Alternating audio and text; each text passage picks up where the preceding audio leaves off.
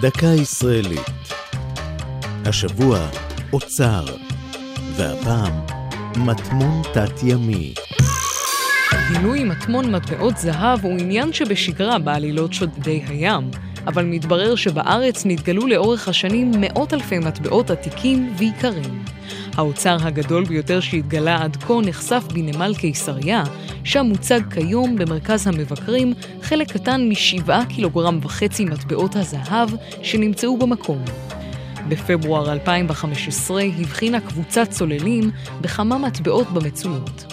הם הזעיקו את נציגי רשות העתיקות וצוללי הרשות, גילו מתחת למים כ-2,600 מטבעות עשויים זהב טהור שנוצקו לפני כאלף שנה.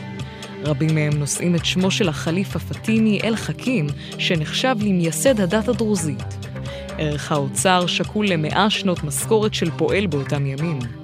עד היום לא ברור איך הגיעו המטבעות למעמקי הים. יש הסבורים כי מדובר בספינה שהובילה כספי מיסים אל מצרים, או משכורות לחיל מצב שישב בקיסריה. למי שתהה לגבי מידת מקוריות המטבעות, התברר כי על חלקם מופיעים סימני נשיכה המעידים כי גם בני התקופה ניסו לוודא שלא מדובר בזיוף. זו הייתה דקה ישראלית על אוצר ומטמון תת-ימי. כתבה תום נשר, ייעוץ הדוקטור רוברט קול, עורך ליאור פרידמן.